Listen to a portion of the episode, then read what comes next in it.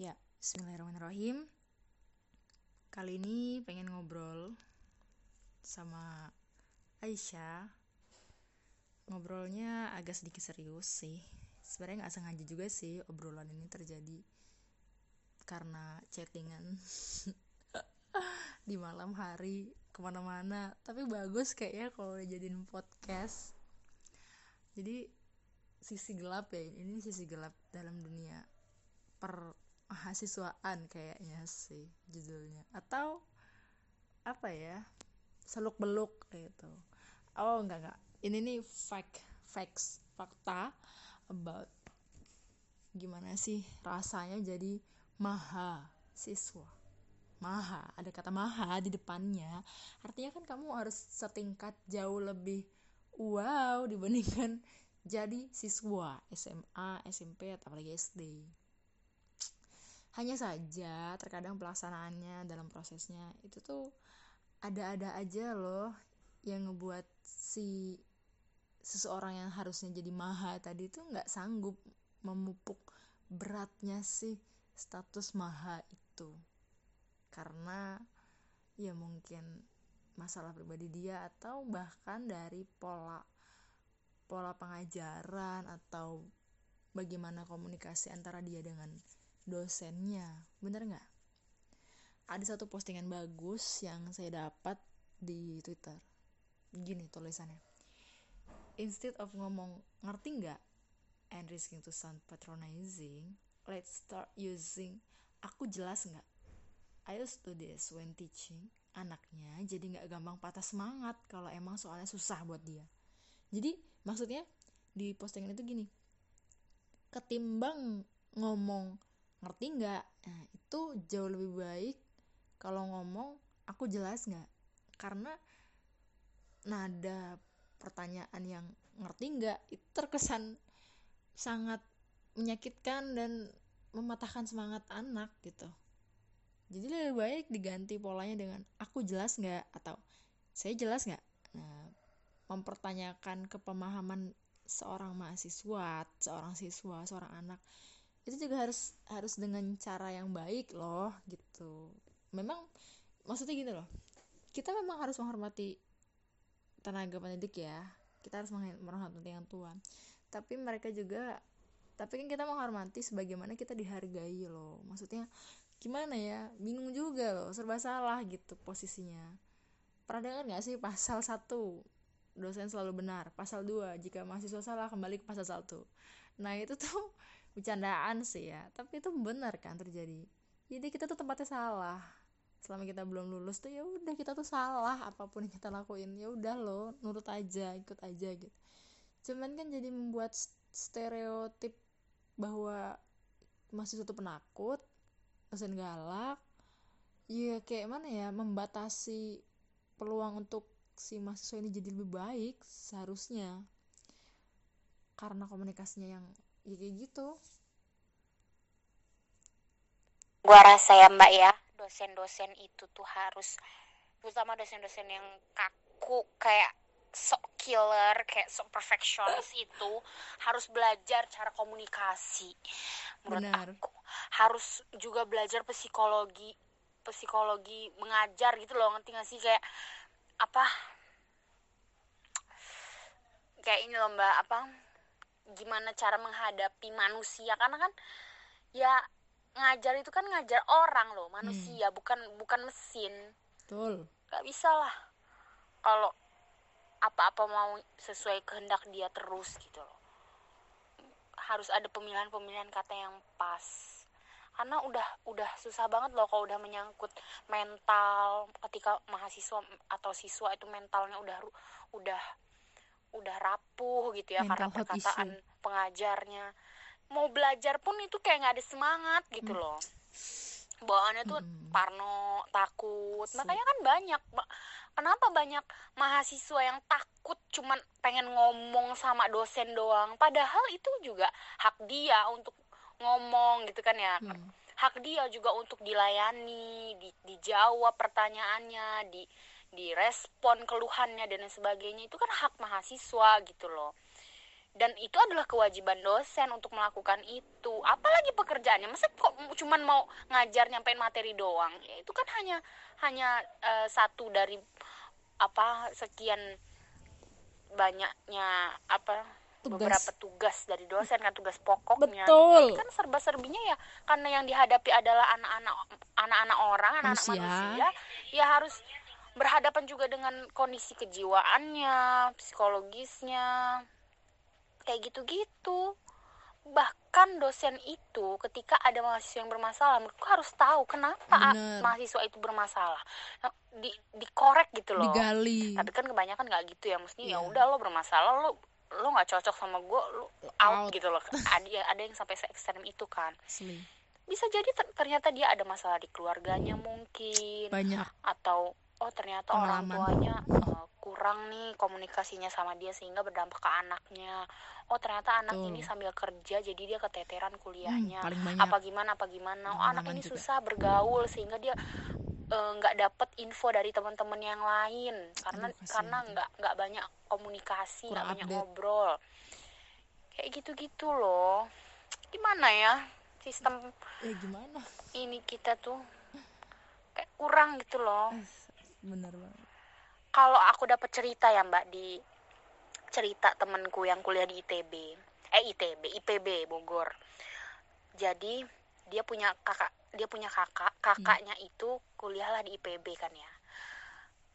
Dosen pembimbing kakaknya itu hmm. ternyata sampai e, ketika kakaknya itu habis kompre justru dosennya yang ngeraktir dia makan. Masya allah gila mbak asik banget Gak habis pikir ya, punya dosen kayak gitu mah ya Allah bahagia banget. banget. Iya jadi mahasiswanya kompre dia seneng gitu loh ditraktir iya, makan kayak iya, selebrasi gitu. sih. kan kita jadi kayak ngerasa dihargai ya jadi payah kita. bener. Itu ya Allah. Kamu ingat gak sih dulu tuh uh, kalau kita mau ngisi siakat ngisi KRS uh, eh, mata kuliah ya itu biasanya ada form kuesioner G-form gitu yang harus diisi mahasiswa sebagai penilaian dosen.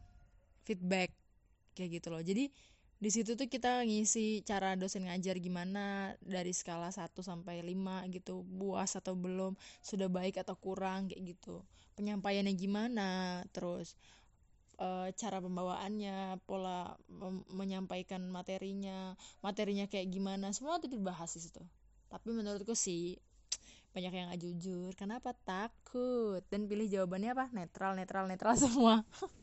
Padahal harusnya kan itu bagus. Karena dari situ itu jadi feedback yang membangun. Bener nggak? Untuk ke depannya. Kayak dulu waktu zaman sekolah tuh dulu ada kotak saran. Kita ngisi tanpa nama gitu pakai kertas digulung dimasukin. Itu seru banget. Aku juga suka aku juga dulu suka ngisi. Dari mulai kita ngasih saran pak WC-nya yang ini kelas 3 mampet apa kayak mana gitu. Sampai kita ngasih saran untuk bapak ini atau ibu ini tolong uh, jangan suka marah-marah gitu. Kami ngerti kok gitu. Atau kayak mana lah intinya memperbaiki semuanya loh. Tapi karena takut ketahuan siapa jadi tanpa nama gitu kan. Ah enak lah. Tapi sekarang ya udah nggak ada lagi kayak gitu kayak gitu ya. Itu juga yang kuesioner itu tanpa nama sih tapi kan nanti ketahuan gak sih orang yang udah ngisi bisa dilacak gitu dia dari NPM yang mana ngaksesnya dari siakatnya ya kan? Ya takut lah. Tapi bener loh ada ya seseorang uh, dia tuh uh, lama skripsinya bukan karena dia nggak pinter bukan karena dia bego bukan karena dia nggak bisa bukan karena dia nakal tukang bolos bukan. Tapi dia tuh punya masalah pribadi di keluarganya. Bapaknya selingkuh terus dia sakit hati kecewa banget. Karena selama ini dia udah selalu menuruti apa mau bapaknya. Selalu ngikutin nurut banget. Pokoknya lurus lah hidupnya tuh. Nggak aneh-aneh sekolah gitu. Nggak pernah pacaran terus nggak pernah main nongkrong gitu-gitu nggak. Uang jajan aja hemat banget sampai seminggu atau sebulan. Maksudnya bukan tipe anak yang selalu minta juga. Bukan anaknya tuh sudah berusaha jadi anak yang berbakti lah kayak gitu. Istilahnya bapaknya maunya dia sekolah di sini bapaknya maunya dia kuliah di sini bapaknya mau dia ini. Diikutin semua mau bapaknya itu. Tapi ketika satu kesalahan yang dilakukan bapaknya itu dia tuh sakit hati banget. Gimana sih rasanya? You know lah ya kan? Maksudnya anak itu tuh udah berusaha jadi anak yang baik tapi kok malah bapaknya kayak gitu? Kan apa maksudnya? Kecewa dong. Akhirnya si anak ini apa? Meng mengalihkan karena dia nggak berani ngomong kan ke bapaknya. Nggak bukan tipe yang deket juga gitu mereka. Akhirnya dia mengalihkan dengan dia sibuk kerja. Dia kerja kerja kerja. Sampai dia tetap bayar kayak gitu SPP menurut dia lebih baik uang bapaknya tuh habis dipakai buat bayaran kampus walaupun gak dikerjain skripsinya daripada dikasih ke selingkuhannya terus menerus gila gak sih? Sedih banget ya. Miris gitu. Kasihan tau aku. Terus akhirnya itu uh, di tahun-tahun terakhir itu dia mencoba memaafkan bapaknya. Dia sudah mulai menerima di saat umur dia sudah dewasa lah ya. Dia sudah mulai menerima kenyataan dan berusaha memaafkan. Karena dia sadar justru dengan sikapnya itu dia salah. Tadinya kan dia berpikir dia perpanjang dia dilama-lamain tuh biar bapak itu mikir loh sadar sih woi lo tuh harus sadar gitu lo tuh salah apa biar lo introspeksi. Tapi nggak berubah-berubah juga bapaknya. Ya udahlah ya dia dia malah dia dia nyesel karena dia salah melakukan hal itu dia jadi terhambat semuanya kan. Coba kalau dari dulu dia selesai malah justru dia bisa memperbaiki semuanya dengan dia punya kehidupan baru sendiri yang lebih baik. Pergi aja dari rumahnya. Gitu aja beres ya gak sih? Terus ada lagi temennya eh temennya temenku maksudnya ada temen dia itu uh, satu bimbingan juga kayaknya. Sama lah dia punya dosennya sama. Dia tuh takut dia punya isu mental health gitu. Dia tuh takut banget sama dosen itu. Saking takut itu sampai yang kayak gemeteran mau nangis keringet dingin gak berani nemuin. Jangan kan nemuin loh datang ke kampus pun itu nggak mau. Takut banget sampai-sampai pernah tuh uh, makan doang ya mau makan di eh deket wilayah kampus tuh banyak makanan kan. Warung-warung batagor lah gitu-gitu. Itu nggak mau geprek ya kan. Dia tuh nggak mau takut banget nyium. Aroma kampus aja nyium nggak berani. Ngelewatin tugu nila tuh muter tuh dia tuh Ih, merinding gitu. Ya allah sampai segitunya loh. Saking. Padahal dia tuh pinter. Dia tuh dulu dia tuh anak aktivis di organisasi terus anak osis pas SMA terus dia juga uh, seniman. Maksudnya dia punya karya dia punya bakat. Dia juga bukan golongan anak yang suka cabut bolos enggak. Aneh kan akhirnya gara-gara cuman gara-gara saking takut itu dia sama sekali nggak berani nemuin dosennya. Sampai akhirnya ya kuliahnya berhenti. Sepele banget. Padahal sayang banget kalau mau kalau mau ditolong kan bisa dulu tuh dia tuh ini broken. Orang tuanya cerai gitu. Makanya dia terus banget sampai terus setelah cerai ibunya sakit. Dia ngurusin ibunya. Sakit itu sakit yang harus dioperasi gitu loh. Ih kayak mana sih? Berat banget pasti kan. Kayak di usia segitu usia transisi seorang siswa jadi mahasiswa dituntut untuk dewasa menghadapi segala permasalahan hidup dan di pressure dengan tugas akhir dia yang harus sudah selesai tapi dia nggak berani dan dia kondisinya tuh sangat rumit gitu loh. Maksudnya gimana ya? Sayang banget lah. Akhirnya dia memutuskan untuk ya, berhenti nggak lanjut. Terus dia menutup diri menghasilkan kepribadian yang gak bagus kan. Maksudnya dia jadi menutup diri sama semuanya sosmed yang gak aktif dia menghindar sama teman-temannya. Sayang banget. Kasihan tau Ya Allah mbak berarti itu nggak cuma satu mbak memang yang kayak gitu. Karena aku denger sepupuku sepupuku alumni sosiologi hmm. visip kan. Jadi dia angkatan 2013 hmm. dia udah wisuda 2000 berapa ya kemarin? 2000 2017 apa ya. Pokoknya dia dia inilah ya on time lah bisa dibilang. Hmm. nggak terlalu nggak terlalu ini dia. Terus apa? Padahal dia juga nggak pinter sih sepupuku tuh. Terus dia cerita justru temen dia yang pinter temen sekelas temen, temen seangkatannya pinter yang selama ini ngerjain tugas temen-temennya ngebantuin ngerjain tugas kayak temennya tinggal bayar gitu kan. Ya sekali banget lah sama sama sepupuku tuh. Malah belum lulus lulus mbak. Gara-gara dia itu mau bimbingan aja takut mau nemuin dosen itu kayak udah gemeteran gitu kayak ya, ya Allah kayak mana kayak mana cuy? Kayak mana cuy? Gitu gitu sih sumpah.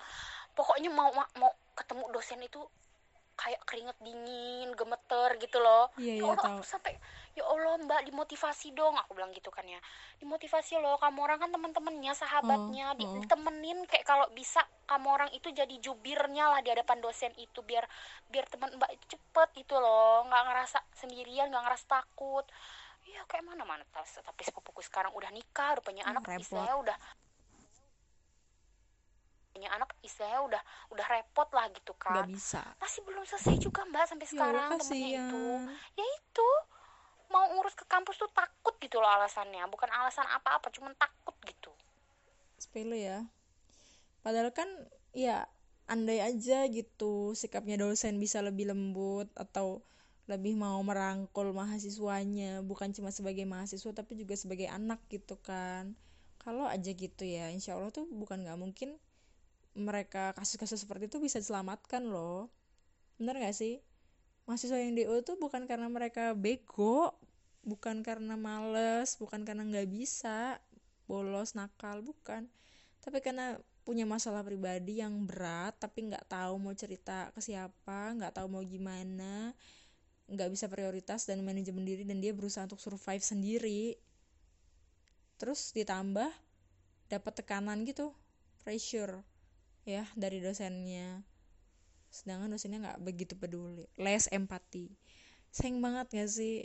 Aduh orang yang les empati tuh gimana ya? Aku tuh sedih gitu. Ya nggak apa-apa sih itu pilihan dia mau jadi orang yang seperti apa. Cuman kan iya ada baiknya kalau kita menghilangkan les empati itu dari diri kita kan. Gimana ya ya makin dewasa orang tuh secara umur tuh nggak jadi patokan atau nggak jadi jaminan. Kalau sikapnya itu selalu udah bijak dan udah dewasa juga sama orang lain. Entah itu sebagai sesama orang dewasa ataupun kepada yang lebih muda dari dia. Kasihan lah. Ada lagi teman aku juga yang ya sama dia tuh kasusnya eh, broken orang tuanya. Dia stres banget. Bapaknya selingkuh terus ditinggal gitu. Terus gimana sih mencoba untuk bertahan. Sedangkan dia punya adik masih kecil-kecil. Jadi dia kerja sana sini pontang manting untuk ngebiayain sekolah adiknya kayak gitu. Ditambah lagi bapaknya nggak ada kabar hilang pergi terus dia mau nikah kan. Kayak mana? Akhirnya ya udah dia menemukan kebahagiaannya sekarang dengan suaminya dan keluarganya yang baru. Mudah-mudahan ya bahagia walaupun dia harus dengan rela ya melepaskan perjuangan kuliah dia yang kemarin itu nggak selesai. Padahal aku tahu dia tuh pinter. Dia tuh anak Axel. Pinter kan waktu SMA Axel. Terus dia juga punya bakat dia punya skill.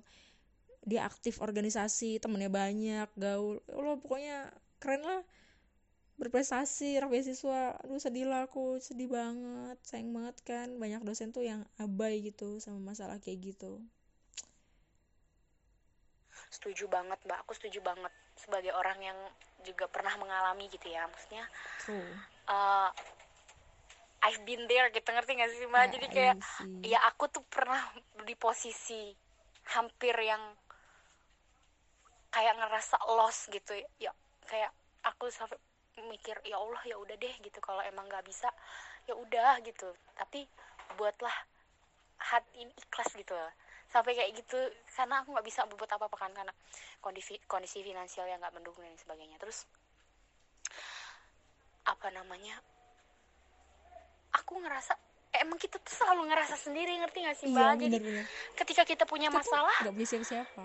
nobody knows gitu loh. Nggak ada Yes. yang nggak ada yang ngerti. Bahkan nggak bahkan apa kayak sekretaris prodi di tempat gue itu ya. Kayaknya dia akrab aja tuh sama mahasiswa yang lain gitu ya. Tapi kenapa ketika aku berhadapan sama dia dan aku aku punya problem dan dia tahu itu dia tuh kayak I don't care. kenapa sih kok misalkan kita belum bayar UKT gitu ya? Hmm. makanya kamu tuh bayar. Ya itu kan persoalan sensitif sih mbak. Dia Iyalah emang tahu banget. kenapa kita belum bayar UKT apa yang terjadi gitu Mm. loh. Ada apa dengan kondisi keluarga kita dan Mm. sebagainya. Dia nggak tahu dia cuma ngomong ya kamu tuh harus bayar dulu. Kamu tuh makanya kenapa sih terlambat terus? Kayak gitu gitu sakit. emangnya bapak kamu tuh kerja apa sih? Ih, gitu gitu parah banget. Ibu kamu kerja apa? Dan nadanya tuh gak ngenakin. Kenapa loh aku mengerti. Aku seperti orang-orang itu punya pekerjaan yang berat dan Hmm. banyak. Sehingga mungkin mereka itu terpressure setiap hari dan itu membentuk mental mereka untuk Terbiasa. keras gitu loh. Iya, iya. tapi cobalah gitu. Kenapa sih kalau pasti kan beda lah Kita tuh nggak kayak gitu. ketika mereka berhadapan sama orang yang mungkin mereka kenal benar. atau saudara mereka bahkan gitu kan. Pasti kan treatmentnya akan berbeda. Kenapa tidak disamakan gitu loh? Maksudku ya kan kita juga sama punya perasaan punya pikiran gitu. Kan kita udah ngadep ke kampus itu aja kan ada sebuah itikat baik kan untuk menyelesaikan urusan gitu loh.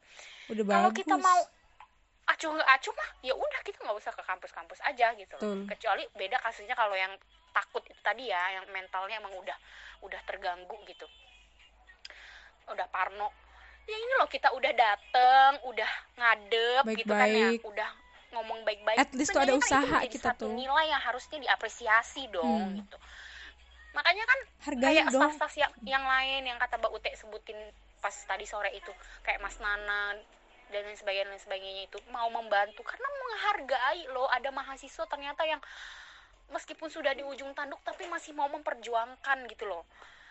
Jadi ya nggak tahu lah ke mana pikiran-pikiran mereka itu. Aku tuh nggak ngerti loh. Jadi kan sayang banget. Nah dan sayangnya lagi ada standar di tengah-tengah masyarakat di tengah-tengah mahasiswa yang umumnya juga bahwa semakin lama lulus itu adalah adalah semakin bodoh gitu loh. Hmm, bener. Nah, jadi eh, waktu waktu waktu studi ya eh, lamanya masa studi yang kita habiskan di kampus itu adalah ukuran pintar bodohnya kita. Standar sosial yang Padahal nggak menyakitkan. demikian juga gitu loh. Kalau mau diteliti, kalau misalkan ada yang buat penelitian, pasti hasilnya tuh nggak akan seperti itu, Nggak valid seperti pernyataan asumsi-asumsi itu. orang-orang itu. Anggapan itu nggak valid. bukannya bukannya sombong ya kayak kayak Mbak Uti aku yakin kayak Mbak Uti ceritain tadi aku tuh belajar gitu. Sama Mbak aku juga kayak gitu. Sama, aku tuh dulu iya aku tuh dulu ya ada semangatnya juga apalagi ketika kita ketemu dosen yang emang bikin kita antusias gitu. Kita belajar mau ujian kita belajar kita sungguh-sungguh.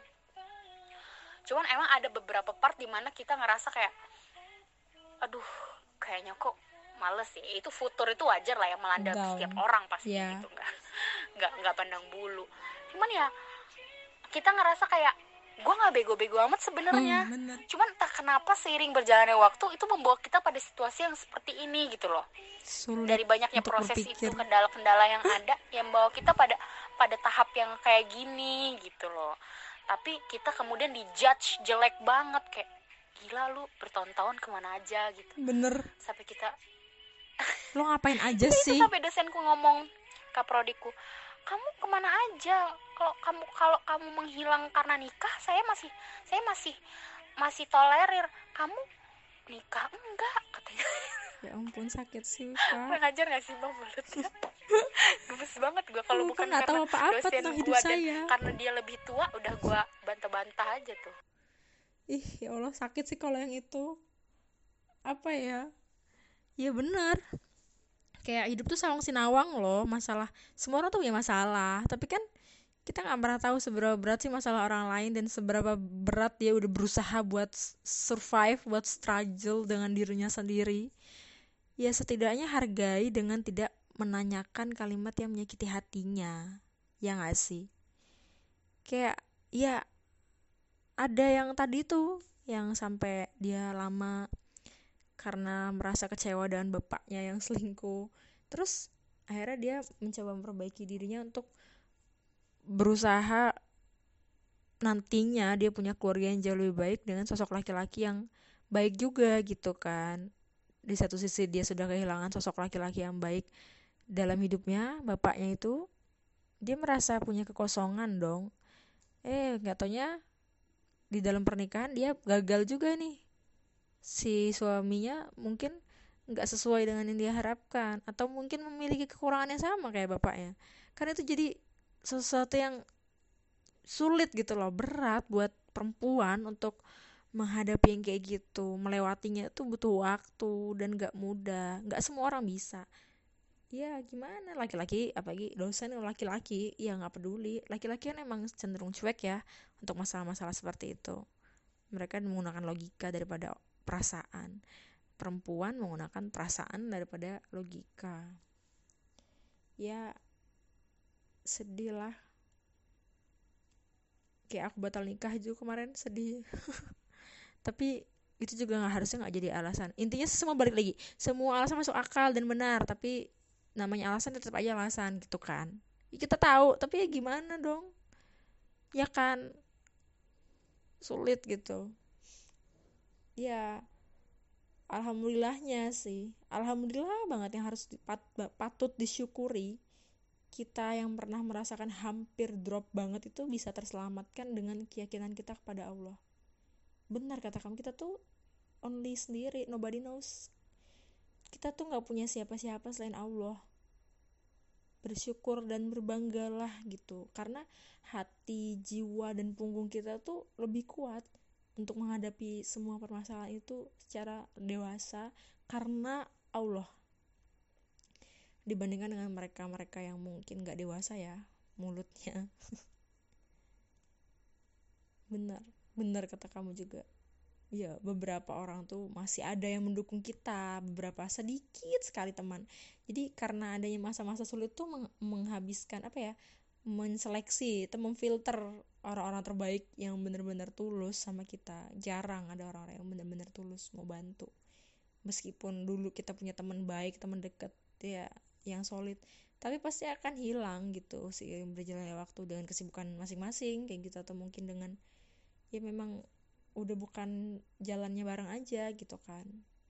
Dan yang terpenting sih benar kata kamu kuasa Allah semua ini karena Allah yang ngerakin hati kita ngerakin hati orang-orang di sekeliling kita ngerakin hati dosen kita ngerakin hati para staff dan semua civitas akademik gitu kan. Kalau bukan karena Allah kita nggak mungkin bisa bertahan. Bener juga yang kamu bilang bahwa kita nggak bisa menafikan self motivation itu penting banget. Nggak ada motivator terbaik selain diri sendiri. Ya karena karena Allah yang bilang di surat Ar-Rod ya Quran surat Ar-Rod Allah nggak akan ngerubah nasib suatu kaum sampai kaum itu merubahnya sendiri. Itu bener banget. Ya kalau disadar-sadari ya untuk flashback kisah-kisah perjuangan orang-orang lain yang udah sukses juga kan mereka tuh struggle dengan dirinya sendiri gitu. Mereka berusaha sampai bener-bener mereka bisa. Ya masalah orang dewasa adalah orang dewasa itu banyak yang tidak bisa menyelesaikan apa yang mereka mulai. Gak kuat untuk bertahan struggle dan survive-nya. Mereka kalah untuk memotivasi diri mereka sendiri dan ibrohnya juga ya mbak. Ibrohnya itu gini loh aku merasanya dari banyaknya masalah yang yang dihadapi gitu ya selama proses ini menuju sekarang ini gitu. Aku tuh jadi merasa lebih peka terhadap terhadap apa circle aku terhadap True. sekeliling aku. Aku jadi bisa lebih lebih bisa mengidentifikasi mana sih yang yang oh, beneran oh, ya? beneran orang yang mau bantu. Iya, oh ini yang cuma sekedar pengen tahu. Oh ini yang cuek-cuek aja bener, gitu. bener.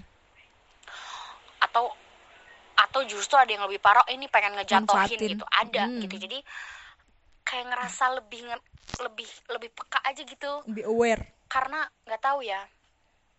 Karena nggak tahu apa gitulah yang membuat aku tuh merasa lebih ini aja perasaan kita tuh lebih tajam gitu mbak hmm. jadi dan kita tuh lebih bisa menghargai orang mungkin sebelumnya ya ada aja orang baik ke kita tapi kita nggak sampai kayak yang ya ampun gue nggak bakal lupa sama orang itu tapi kalau di masa-masa sekarang ada orang baik sedikit aja sama kita cuman ngasih sedikit kalimat yang bisa bikin Berarti. kita semangat aja bikin kita uh, mikir kayak oh oke okay, aku masih bisa masih ada harapan harapan-harapan kecil gitu loh. Hmm. itu tuh kita udah kayak ngerasa ya ampun gila.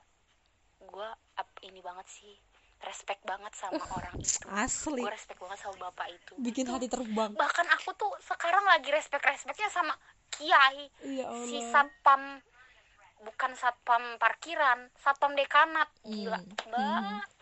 Sekarang aku sama teman-teman aku kalau ke dekanat kata kiai itu udah kamu orang masuk masuk aja langsung. Katanya gitu. Kagak usah ngantri katanya. Karena udah paham kita orang udah ini apa lagi buru-buru gitu. Dan tahu ya. Orang-orang kayak gitu loh maksudnya yang yang justru kayak kita ngerasa jasanya itu lebih kerasa Berarti, gitu. ya padahal apa yang dilakuin sepele hal sederhana gitu maksudnya. Tapi benar-benar berarti karena mereka ngelakuin itu dengan tulus dan tanpa ada kepentingan antara kita dengan orang-orang yang seperti itu. Nggak ada kepentingan kepentingan apa pun ya kan? Ya dia pengen aja ngelakuin itu gitu. Lain kalau yang lain ya mungkin ada kepentingan lain. Karena paradigma pendidikan di Indonesia tuh salah dari dulu aku tuh dari dulu resah loh sama sistem pengkontak-kontakan keberhasilan sebuah pendidikan gitu. Kayak di Indonesia tuh ya kayak gini. Padahal kalau kita contoh ya aku suka lihat Jepang tuh negara maju. Sistem pendidikannya kan udah ngefokusin anak sesuai dengan minat bakat itu dari kecil. Dari mereka TK ya udah terarah mau ngapain dan mau belajar apa minat bakatnya di mana fokus gitu kan skillnya tuh diasah dan kemampuannya tuh bener-bener dikembangin sejak mereka masih kecil. Jadi pas udah gede udah ahli. Karena sudah di ditempa dari kecil itu kan. Pas udah gede dia udah ahli akhirnya ketika usianya sudah siap dia sudah bisa menjalani kehidupannya dengan sangat ya sangat matang lah istilahnya gitu kan. Akhirnya ya banyak di situ di Jepang terlahir tercetak eh, orang-orang hebat gitu. Makanya jadi jadilah negara maju. Banyak peneliti di sana banyak penemuan-penemuan gitu kan. Beasiswa banyak kita kalau ngambil beasiswa kan banyak yang ngambil di Jepang gitu-gitu. Sedangkan di Indonesia beda banget. Dari kita TK sampai udah lulus kita dipaksa untuk kita dijejelin semua bidang yang kita dipaksa harus bisa semuanya. Bener nggak? Pernah kan lihat gambar meme yang satu kelas uh, gurunya nyuruh semuanya harus bisa terbang. Ikan ikan nggak bisa terbang sapi nggak bisa terbang kucing nggak bisa terbang. Berarti semuanya bodoh yang pintar cuman burung. Kan nggak kayak gitu. Itu salah sistem kayak gitu tuh salah gitu loh. Tapi nggak bisa gimana mau dirubahnya? Nah di Indonesia kan kayak gitu. Kita dijejelin dengan semua bidang yang kita harus bisa mata kuliah 1, 2, 3, 4, 5 A, B, C, D, E gitu. 10 gitu mata pelajaran waktu sekolah. 10 mata kuliah waktu kuliah. Dan kita harus dipaksa untuk menguasai semuanya. Sedangkan gak semuanya bisa. Ada ada orang ada anak yang ahli di bidang eksak dia nggak bisa linguistiknya dia lemah. Uh, secara visual dia jago mungkin atau yang lainnya ya semua saling melengkapi. Ada yang sosialnya bagus kemampuan dia public speakingnya. Tapi dia nggak ngerti hitung-hitungan. Dia lemah dalam menguasai data-data kayak gitu. Ya kan? Apalagi ada sistem ranking penilaian. Itu yang ngebuat ngebuat anak tuh dituntut untuk bisa mencapai target seperti itu. Yaitu sama kayak orang kerja ya. Karyawan dituntut untuk capai target. Maksudnya sistem pendidikan kita tuh gimana ya kasihan loh. Jadi si anak tuh bukannya fokus fokus mengejar untuk mempelajari dan memahami mata kuliah itu mata pelajaran itu. Tapi dia fokusnya lain yang dia kejar apa? Nilai. Biar apa ya? Biar diakui. Biar nggak? Oh kamu bisa kamu hebat kamu pintar. Biar dapat reward dari bapaknya mungkin hadiah. Kamu kalau orangnya satu tak kasih sepeda gitu-gitu ya. Akhirnya apa? Si anak kan jadi nggak nggak mendapatkan uh, hakikatnya belajar itu apa? Enggak udah lain tujuannya bener nggak sih? Ini lain dikejar angka bilangan has apa hadiah pengakuan kayak gitu kayak gitulah. Kepuasan fana duniawi bener ya. Akhirnya orang banyak yang melakukan segala hal menghalalkan segala cara untuk mendapatkan nilai itu. Nyontek nyogok ih aneh-aneh lah pokoknya. Dan udah gede pun hasilnya begitu udah lulus masih banyak yang nggak tahu mau jadi apa bingung mau ngapain. Ya kan? Ya lihat gak anak-anak yang lulus SMA tuh pas mau ngambil jurusan bingung jurusan apa ya? Kamu apa? Akhirnya ikut-ikutan teman atau ngikutin apa yang mau orang tuanya. Jadi dia hidup dengan mimpi orang lain bukan dirinya sendiri. Sedih banget itu loh. Ironis. Ya kan? Harusnya di usia dia yang sudah dewasa itu dia harus sudah siap tapi masih banyak yang bingung gak tahu mau ngapain. Udah lulus kuliah pun banyak yang bingung gak tahu. Akhirnya memilih kuliah lagi aja lah daripada bingung nyari kerja susah. Nah, walaupun gak semua yang kuliah lagi kayak gitu ya. Maksudnya banyak yang kayak gitu. Kasus yang nyata terjadi ya orang-orang yang aku kenal gitu kan. Ya banyak juga kan ujung-ujungnya akhirnya karena tertekan dengan sikon ya situasi dan kondisinya. Secara ekonomi dia butuh uang gitu kan. Dia apalagi sudah memutuskan untuk menikah dia punya tanggung jawab baru. Ya akhirnya dia akan mempelajari hal baru otodidak dalam bidang pekerjaan dia memulai hal baru gitu agar bisa apa? Survive intinya dalam kehidupan dia ya kan? Nggak ada satupun dari semua bidang yang dipelajari dia itu bisa dia jadikan patokan dia bisa survive. Bahkan mungkin ada juga yang sama sekali nggak ahli di semua bidang atau salah satu pun iya kan? Makanya banyak yang nyimpang dari jurusan ketika dia kerja akhirnya matanya tersadar. Ketika dia sudah menyadari itu menyadari realita kehidupan usianya sudah sangat dewasa. Dan ya untuk memperbaikinya udah nggak bisa lagi. Jadi cuman membatin lah ngebatin. Anak gue nggak boleh kayak gue.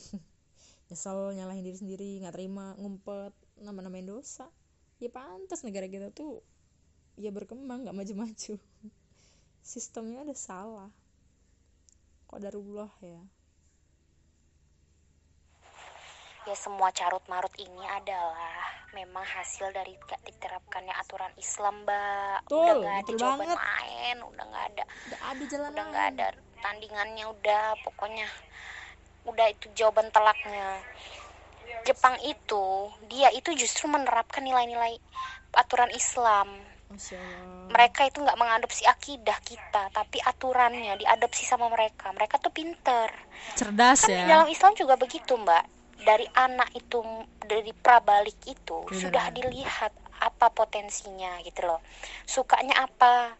Khususnya anak laki-laki ya karena dia akan menca- akan mencari nafkah akan menjadi kepala keluarga nantinya dan dia akan dilatih untuk berjihad ya kan? Betul.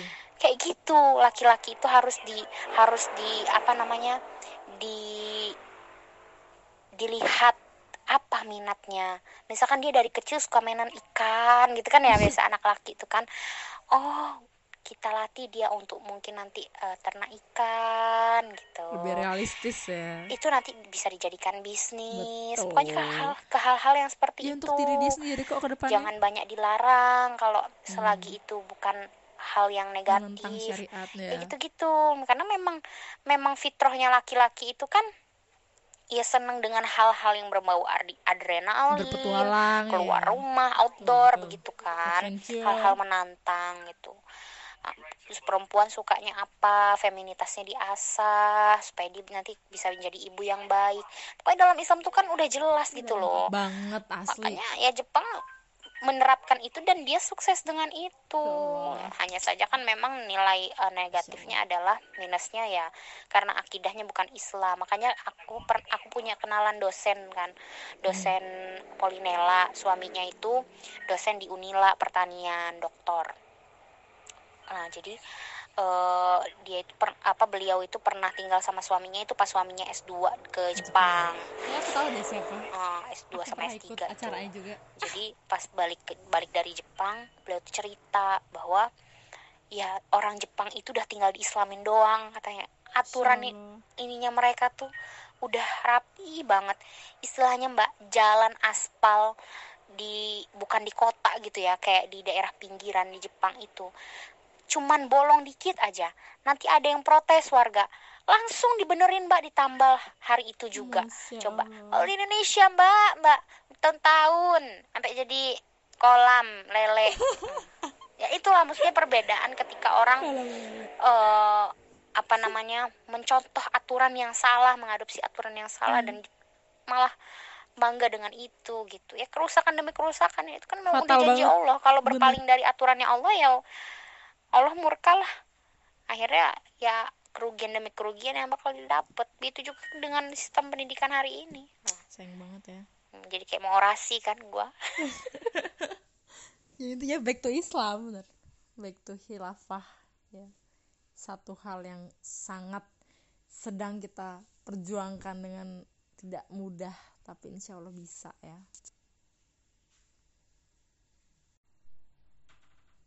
Nah kan Masya Allah bener banget Aisyah. Apa ya? Satu-satunya solusi dari semua kecarut marutan di dunia ini adalah back to hilafah aduh kembali ke Islam. Tapi aku takut nih ngomongin. Nanti kita disangka ini bukan ditangkap lagi liberal.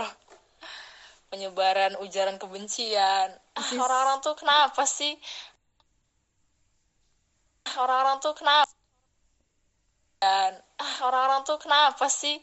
Ay kayak nggak terima banget. Ya udah lo terima lah udah fitrahnya. Memang memang hidup kita tuh ya udah fitrahnya semua tuh diatur oleh aturan Allah. Karena kita kan makhluknya Allah.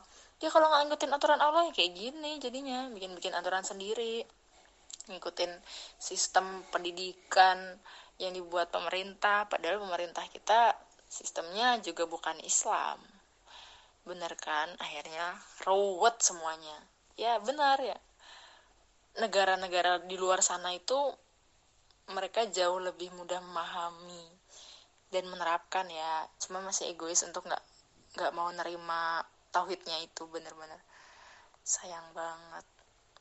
Andai semua orang dan mirisnya ya orang-orang yang sadar orang-orang yang melakukan kesalahan-kesalahan tadi itu adalah orang-orang Islam. Bener gak sih kita negara mayoritas Islam terbesar loh di dunia tapi yang paling nggak bisa menerapkan sistem Islam dalam kehidupannya sehari-hari. Secara menyeluruh ya. Karena kan menganggapnya masih ya udah Islam dalam kehidupan tuh ya ya lo sholat masing-masing aja. Ibadah mah ya udah yang penting sama kita Islam ya gak sih? Ya lo sholat yang penting lo pakai jilbab atau lo ngaji tar lo puasa lebaran udah gitu. Nggak mau sampai yang bener-bener ya semua sistem pendidikan terus pemerintahan politik sosial itu sudah diatur loh dengan rapi banget dalam Islam. Mereka nggak mau sekuler ya. Inilah orang-orang yang mau menjatuhkan Islam tuh udah sangat berhasil sebenarnya sekarang menyerang kita dengan dengan pola seperti ini gitu. Ya yang mirisnya orang-orang di negara lain yang bukan Islam bahkan sudah menerapkan sistem Islam di sistem pemerintahannya pendidikannya. Itu miris banget sih. Ya seharusnya kita yang kayak gitu ya kan? Dan kita masih nggak sadar untuk mengikuti dan mempelajari untuk merubah semua yang kita lakukan salah ini. Ya Allah sedih banget.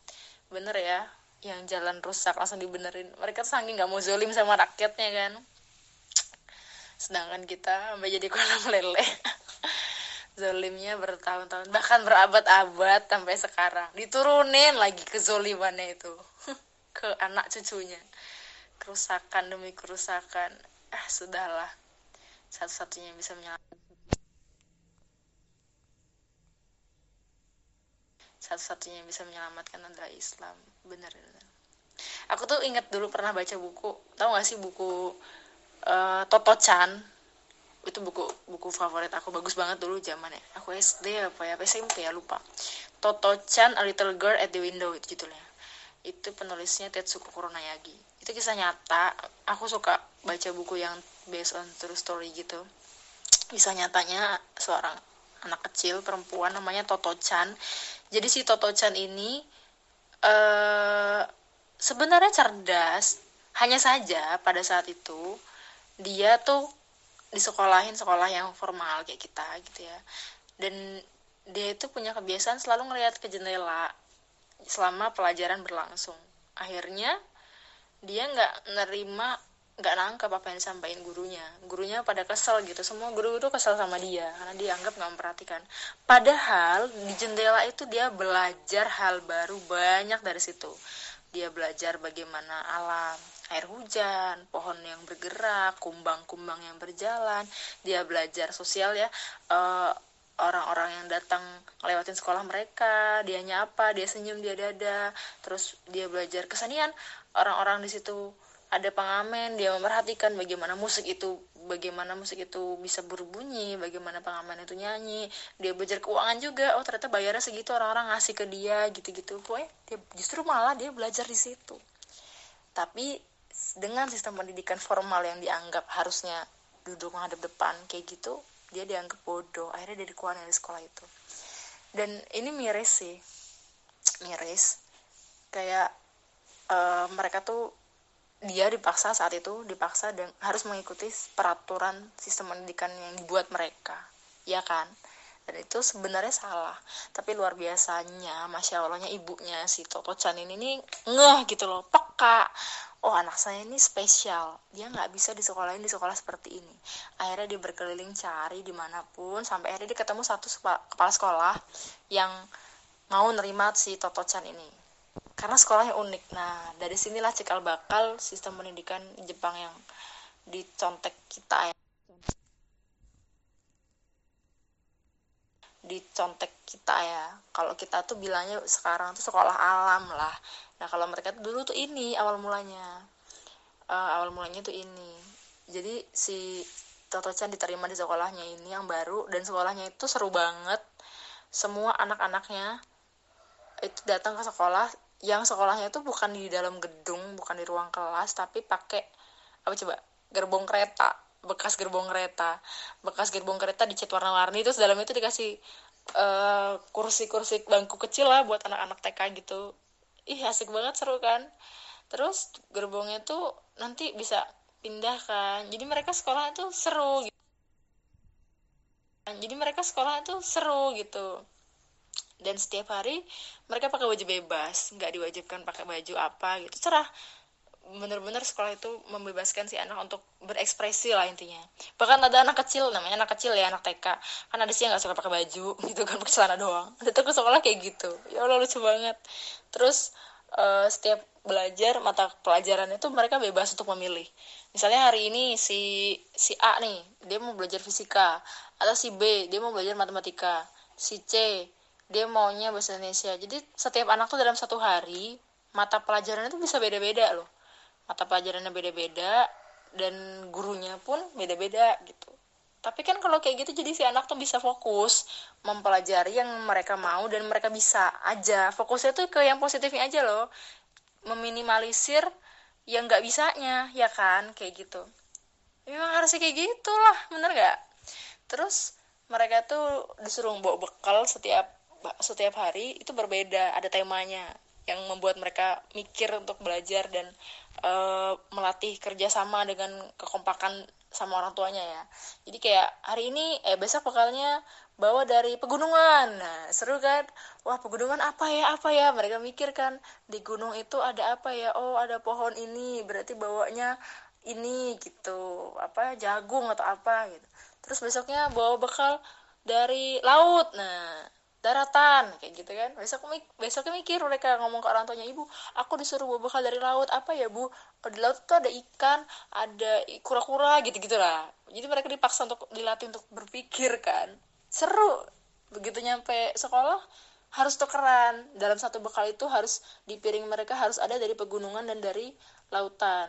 Gimana caranya? Ya mereka tukeran sama teman sebelahnya. Oh aku ada ubi kau bawa apa? Aku bawa belut. Oh iya iya gitu gitu ih lucu banget. Seru.